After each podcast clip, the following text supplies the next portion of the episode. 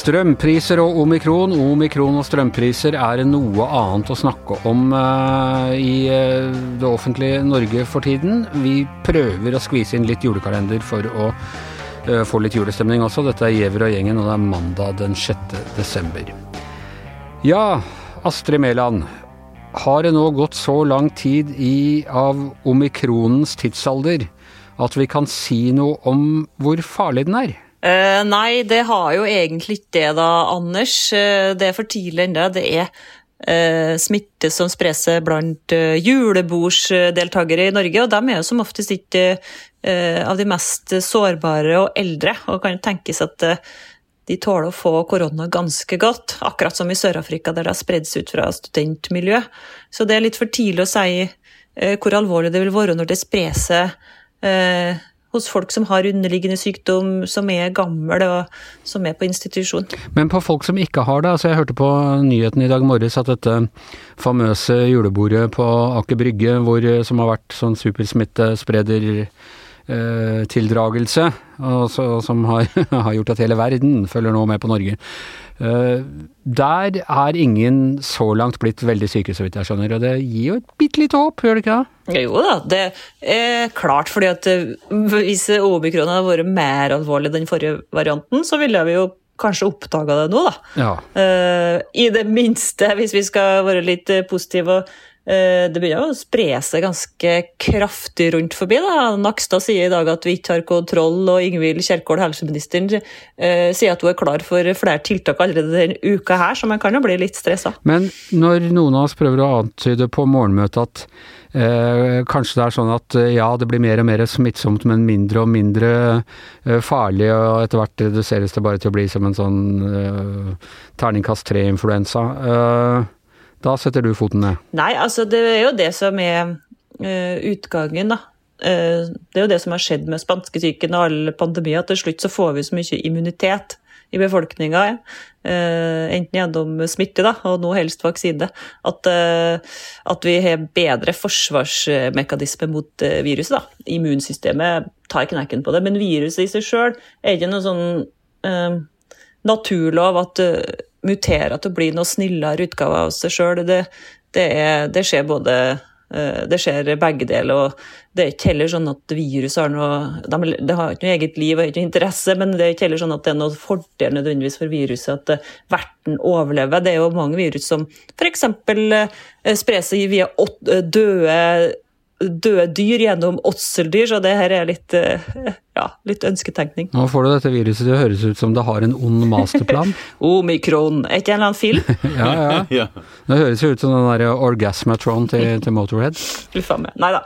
Det, det, går an å se både det positive og negative. I går la seg at eh, Anthony Fauci, han, eh, smittevernsjefen i USA, han syntes at det så litt mer positivt ut enn eh, Eh, i starten, og så var det en eller annen lege som intervjua som sa at vi alle kommer til å få det her på to måneder, og det er ikke sjans, det er ikke noe Eh, vi rekker ikke å lage ny vaksine og bare forberede på å bli smitta. Men da kan det hende at det er en femdagers og ikke en tidagers, og at det ikke er så dødelig som det tidligere har det Kan det jo, vet du. P-pann med desperasjon i stemmen. Men altså, tenk på det, hvis det er så mye mer smittsomt som vi, vi ja, kanskje kan se da, på julebord og eh, rundt om i Norge, så, så, skal det være ganske mye mildere før eh, det hjelper på, på sykehuspresset. For hvis det sprer seg til alle, så blir det jo mer innlagte likevel. Ok, eh, vi, det er von i hangende snøre, og det er i hvert fall ingen, ingen eh, ting som klart tyder på at dette er verre enn tidligere virus. Det kan du være enig i? Ja, enig. Det kan godt hende at uh, Hans Petters yndlingsteori viser seg å stemme, at vi har fått et mer smittsomt virus som er langt mildere, og det hadde jo vært uh, ja, bra. Du, uh, her i helgen så skrev jeg en status på Facebook om at jeg lurte på om det var sånn nå at jeg synes å merke at alle amatør-covid-ekspertene var i ferd med å bli fortrengt av amatørstrømekspertene. Og den var egentlig bare ment som en sånn halvgod morsomhet fra min side, men den vakte en god Altså mye munterhet, men en god del, jeg vil si, sinne også. Uh, og det er helt tydelig at dette med strømpriser, og jeg vil gjerne si uh, jeg føler meg ikke kompetent til å mene noe om hvordan vi skal løse eller hva som er skylden eller hvem som har skylda eller noe som helst. Det var bare, bare en uh, nihilistisk morsomhet fra min side. men den skaper sterke følelser og er liksom blitt en ny nesten sånn kulturkrigaktig eh, diskusjon der ute på, på sosiale medier, hvor, hvor, det er liksom folket mot uh, eliten. Er det Sindre Heirdal uh, fra E24, du, har du den, det inntrykket? Ja, absolutt. Og det er jo påfallende hvis du ser på kommentarfeltet under enhver sak om strøm nå, så, så er det mange krigere der som virkelig har sine egne oppfatninger av hva som ligger bak. og Eh, det grenser mot konspirasjoner, en del av det som kommer også. Eh, men eh, jeg tror vi må forstå det som at folk merker jo dette på kroppen. ikke sant? Det er strømpriser som brenner i lommeboka på veldig mange. Og det er en av de mest synlige utgiftene vi har. Og nå har vi jo enkeltdager hvor mange må ut med over 400-500 kroner bare i strømmen, så kommer nettleia i tillegg. Så det er klart, jeg skjønner jo at det provoserer. Og da er det jo Vi lever jo et stadig litt mer eh, polarisert samfunn, føler jeg ofte. Og, og da kommer det mange teorier om hva det er. Så kommentarfeltene går jo varme med, med ulike løsninger. Kan nesten bruke dem til å varme opp hus, hvis du bare kaster deg inn i en hard nok debatt. På. Det hadde vært bra om vi dro, kunne dra temperaturen inn i huset, for eh, ja.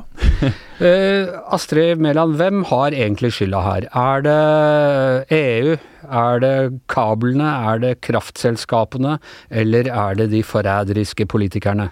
Jeg tror uh, årsaken til så mye sinne er at mange, mange både på ytterste høyre, på høyresida, på ytterste venstre side og mange andre plasser føler seg fryktelig lurt, fordi at uh, de gjennom år har på en måte blitt fortalt at Eh, strømprisene ikke kommer til å gå opp så mye, selv om vi bygger kabler til utlandet. Men nå er vi jo i en ekstremsituasjon, og strømprisene har gått opp ekstremt mye. Så nå har de på en måte et, eh, mange har på en måte et behov for å få unnskyldning, både fra meg Jeg blir pepra med sånne gamle saker som jeg skriver om at ikke vi ikke har noe strømsjokk og sånn, og det, det tok jo feil. Vi har jo strømsjokk eh, nå. Ja, for det er ikke noe tvil om at prisene er høye, det kan vi ikke snakke oss bort fra her. Ingen tvil om det. Og, og det er liksom det eliten, EU, mediekommentatorene, energibransjen bransjen, regjeringa, alle sammen har rotta seg sammen og ikke hørt på fornufta liksom tankegangen. Og de har jo litt rett i det, mange av kritikerne, at eh, som du sa, Anders, det har blitt fryktelig dyrt. Og det er jo kablene til utlandet som vi har hatt i, ja, siden 60-tallet, da. Og vi har hatt det her frie strømmarkedet siden 1990, altså 30 år, da. Det er jo det som akkurat nå fører til overordna, fører til eh, høye priser nå. fordi at eh, vi må betale for den prisen som de uh, betaler for i Europa, der de bruker gass, og kull da delvis, gass særlig, uh, til å lage strøm. Og det høres jo litt rart ut, for vi har jo all den vannkraften uh, vi kan få, mer enn det. Så det er litt ja, merkelig. Men vi importerer altså den her kraftprisen via kablene. Men eh, Sindre, hvis det er sånn som vidt jeg forstår, hvis dette da ikke er eh, internasjonale kraftindustrien eller EU eller noe sånt sin feil, så er det altså norske kraftselskaper som er eid av de offentlige, enten det er kommune eller fylkeskommune eller, eller staten, som tjener nå vanvittig mye penger på denne kraftkrisa.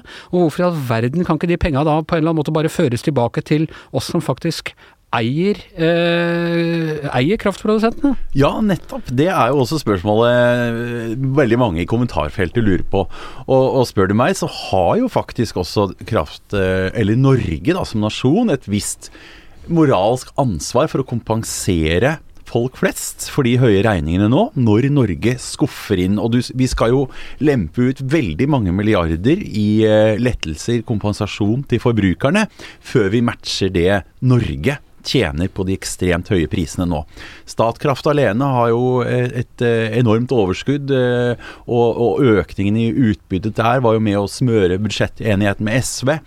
Momsregningen, eh, altså det vi betaler på moms på strømmen, alene er jo mer enn nok til å dekke også det regjeringen skal gi lettelser på elavgiften fra januar av det er jo eh, så store, enorme inntekter at jeg syns det er helt naturlig at eh, diskusjonen nå vris i retning av hvordan skal eh, folk flest, vanlige folk i dette landet vi er så glad i, kompenseres. Og, uh, er det, uh, men er det riktig at dette har ikke noe med ACER eller ESA eller med noe Dette, dette er en, en uh, Dette kan løses, eller de, dette problemet er skapt i Norge, og det kan også løses, eller i hvert fall kompenseres i Norge? Ja, det er et helt sidespor å begynne å snakke om ACER i denne sammenhengen. Men som Astrid var innom, så er jo kjernen her er jo da faktisk de veldig høye gassprisene i Europa, sammen med høye kvotepriser på CO2 osv. Høye kullpriser, som legger et veldig høyt gulv for strømprisene. Og når vi har såpass mange utenlandskabler som for tiden fungerer som rene eksportkabler, så får vi høyere priser her oppe. Det skuffer altså samfunnsøkonomiske Norge, AS Norge, penger inn på. Og derfor er det også naturlig, tenker jeg, at vi kompenserer i en krisesituasjon som nå. Vanlige folk. Det handler også om legitimiteten til det grønne skiftet. For det er utvilsomt sånn at utenlandskablene kan bidra godt til at strømmen flyter der eh, den trengs mest til enhver tid. Det kan være med at vi bygger ut, elektrifiserer det meste og gjør ting grønnere. Men hvis folk flest skal være med på dette grønne skiftet, så kan de ikke oppleve at eh, de må betale 4000-5000 kroner mer per måned gjennom en tøff vinter for strøm. Da tror jeg legitimiteten til hele det grønne skiftet til dette internasjonale strømmarkedet som tjener AS Norge godt, den legitimiteten forsvinner hvis vi ikke passer på å ta vare på folk underveis. Ja, fordi det jeg i hvert fall personlig opplever det som, er som jeg bare har fått økt skatt på, på øh, strøm, på en måte. At, ja. Øh, altså, det er ingen forutsigbarhet i dette her. Bare plutselig skal jeg betale veldig mye mer for en vare som egentlig tilhører fellesskapet, uten at, uh, uten at det er helt opplagt hvorfor. Ikke sant. Det er akkurat det. Og det er jo ikke sånn at det bare er eh, eh, rike folk som vil få lettelse hvis vi kompenserer flatt heller, for det er mange som sitter i store store hus som ikke har god økonomi. Folk kan ha et småbruk. Det er alle mulige årsaker. Man bor i et rekkehus og bor ytterst i rekka eller et eller annet sånt, så har du, har du store problemer nå. Absolutt. Det er, det er, og det er noe med at det som skjer denne vinteren, tror jeg vil bli husket framover også. Og vi skal tross alt elektrifisere mer. Det er all grunn til å tro at prisene vil være høyere framover i tid. Mange gode ting med det for inntektene til Norge, men hvis vi ikke passer på at folk underveis også får føle at dette ikke brenner i vår lommebok, og at vi ikke må skru av kjøleskapet når det er på det verste, da, da må vi faktisk passe på at folk eh, får litt lettelser nå. Men så må vi stikke fingeren der hvor det gjør litt vondt òg. For det er jo sånn i Norge, dette vet alle som har vært utafor eh, Norge noen gang, og særlig om vinteren, at vi har fråtsa i strøm i dette landet. Og jeg eh, glemmer jo ikke jeg flytta til England i 1977 da jeg var 16 år gammel og var på eh, hjemme hos en fyr i klassen, og så skrudde jeg ikke av lyset på do når jeg hadde vært der.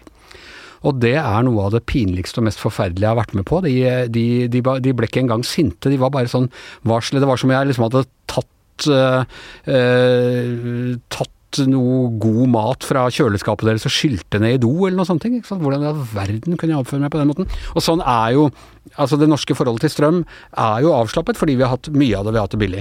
Og vår venn her hans Petter Sjøli, som nå er med oss fra Nesodden, han var, var, ute og sa at folk måtte prøve å bli litt flinkere til å skru av lyset, og det var ikke populært, eh, Hans Petter? Nei, det var virkelig ikke populært, altså. Det, eh, eh, jeg, jeg, jeg, presiserte jo at det her bare er en bitte, bitte liten del av det store strømopplegget, men det var det, Folk tok det veldig personlig, virka sånn. Sjøl så har jeg jo vokst delvis opp i Sverige fordi min farmor bodde i Sverige, så vi var veldig med der borte. Og det var akkurat likeens der også. Slo vi ikke av lyset etter hvert på do der, så, så ble det bare la det seg en sånn mørk stemning i hele huset. Så, så det, det, det, er ikke bare det, Vi i Norge har vært litt sånn unntaksland da, i, i det, sånn, i når du kommer til, til, det å være ødsle med strømmen. Men det forklarer kanskje noe om hvorfor, altså, er, hvorfor reaksjonene er så sterke når, man, altså, når, det er noe du er vant til å ha nok av. Det er sånn som om vi plutselig skal begynne å betale skatt på rein, på en måte. Som vi føler at vi har nok av her i landet, og at det ja. bør være gratis. Det var vel noen også som følte kanskje at, uh, at det var en slags avsporing fra vår side når vi begynte å nevne at kanskje enøktiltak kan være litt lurt. da, for ja. de, vil jo heller ha et oppgjør med ja, hele strøm hele strømmarkedet, hvordan det fungerer. Det er vel det som er De er redd for at uh, noen prøver å prate seg bort fra kjernen i saken. Ja, da, kanskje. Ja, og Sindre, du har jo tatt egne skritt, uh, fortalte du nå rett før vi begynte, for å, for å, spare strøm hjemme i dag? Ja, eh, vi hadde jo et morgenmøte med gjengen her, og, og, da hadde jeg et kvarter etterpå på å skru på på strøm igjen, for dette var i den timen hvor det var mest ekstreme strømpriser i dag, med, med 4,5 kroner per kilowattime. Det er jo veldig høyt. Så jeg skrudde av. Og så skulle jeg skru på igjen da, før jeg dro, sånn at eh, barna kom hjem til et uh, hus som er greit varmt. Men jeg glemte å skru på kjøleskapet igjen, så nå må jeg gi en beskjed til min eldste sønn om at det er det første han må gjøre når han kommer hjem fra skolen. Forhåpentligvis er det blitt så kaldt i hele huset at dette ikke Ikke sant, det kan vi jo håpe. Så da klarer jo matvarene seg overalt. Ja. Ok, håper vi ikke nå behandlet dette for, for uærbødig. Vi må på tampen nå Har du barn i sånn julekalenderalder, Sindre? Det har jeg. Ja. Tre julekalendere og fullt kjør. Ja, Ser dere på noen av julekalenderne på TV? Ja, vi ser jo faktisk både på den Snøfall, den gamle, og den nye. Hver, Snøfall, hver det var den med det der hemmelige verden på den andre siden av Snøfonna? Ja, ja. ja. Mm, den har jeg sett en gang i tida også. Ja, så det er dypt engasjert. Og den nye? Ja, den, uh, den, er, den, vekker også masse interesse. Jeg har ikke sett den ennå, men Nei. kona ser hver dag med barna. Hva med deg, Astrid? Ser din Ingebrigt på, på julekalendere, eller er han vokst fra sånn? Jeg har prøvd og prøvd å få han til å se den sekseren eh, på NRK, da, men han er mer interessert i motorsykler og sånne ting, og Viktors flippklipp, så det er bare håpløst. Å... Monster Trucks. Jeg har bare fått den med på én episode, og den var visst gørr. Vi spør om dette er fordi både Hans Petter og jeg, vi, er, eh, vi har en av våre gode adventstider nå, fordi det er nissene fra Låven og i skog og ei er tilbake, og denne gangen i Bingen. Og jeg må si det er ingen adventstider jeg får så god julestemning som når Espen Eckbo og, og nissen er tilbake, Hans Petter? Nei, Det er kjempegøy. Det er, det er så morsomt, for det er de samme karakterene som dukker opp på nytt. ikke sant? Som gamle venner nærmest, som, som er, er, tilbake. da. Og så har de vært utrolig flinke til å liksom eh, lage en sånn reality-parodi eh, med nye grep. og eh, De parodierer hele tida nye sånne reality-konsepter. Så nå i år så er det jo Ex on the Beach og Paradise Hotel som får virkelig kjørt seg, og det er, det er strålende underholdning. altså. Jeg må si det var veldig gøy når Timothy Dale eh, reagerte, ble så forarget på de unge, nye deltakerne. Fordi vi som var reality-deltakere i min tid, vi, vi, prøvde jo å være oss sjæl!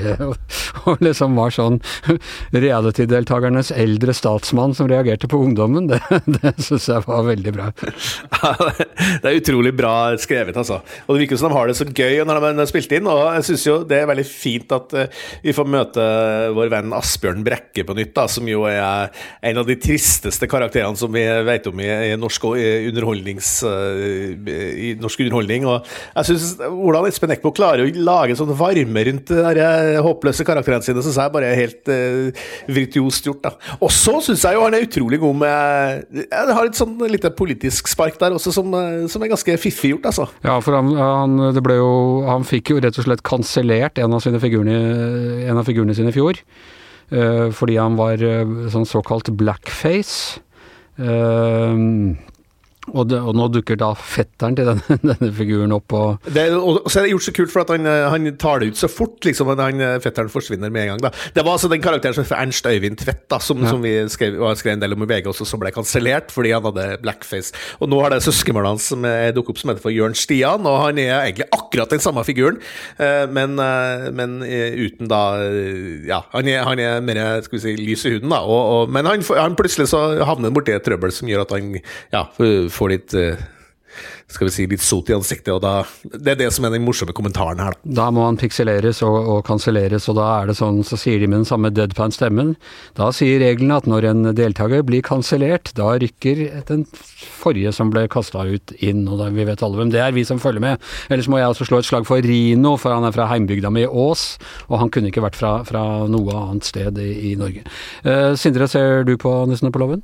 Du, Ut fra det dere har snakket om nå, jeg har jo sett de gamle sesongene. Jeg har veldig lyst til å se. Jeg har ikke sånn lineær TV lenger, men jeg må logge meg inn og få sett dette her. Det høres ja, kjempegøy ut. Og selv hvis du har altså, De varer så kort, så hvis du har spart opp en fire-fem stykker, så kan du virkelig ha en liten høytidsstund. Hva med deg, Astrid? Følger du med? Nei, så samboeren min drev og vise med eh, klipp av han der brune som skal se ut som en sånn reality-deltaker med sånn duck-lips. Da må vi understreke brun i ja, betydningen solariumsbrun. Ja. ja, jeg skjønner ikke vitsen, for det er jo akkurat som å se på Paradise Hotel. Det er jo ikke noe gøy. Han er veldig bra i Han er liksom på sine, sitt eget realityshow. Han er Alexis Munthe, så er, han er en av, også en ny favoritt. Ja, og fra Molde, med litt slepen Molde-dialekt. Ok, det var altså det var et lite forsøk på å spre litt juleglede midt i all omikronen og, og strømelende eh, fra Giæver og gjengen her eh, på en mandag. Vi er tilbake i morgen. Takk til Hans Petter Sjøli, takk til Astrid Mæland, som begge var med oss på link. Tusen takk til Sindre Heierdal, som heldigvis var her i studio. Jeg heter Anders Giæver, og sjefsnissen i denne bingen er som vanlig produsent Magne Antonsen.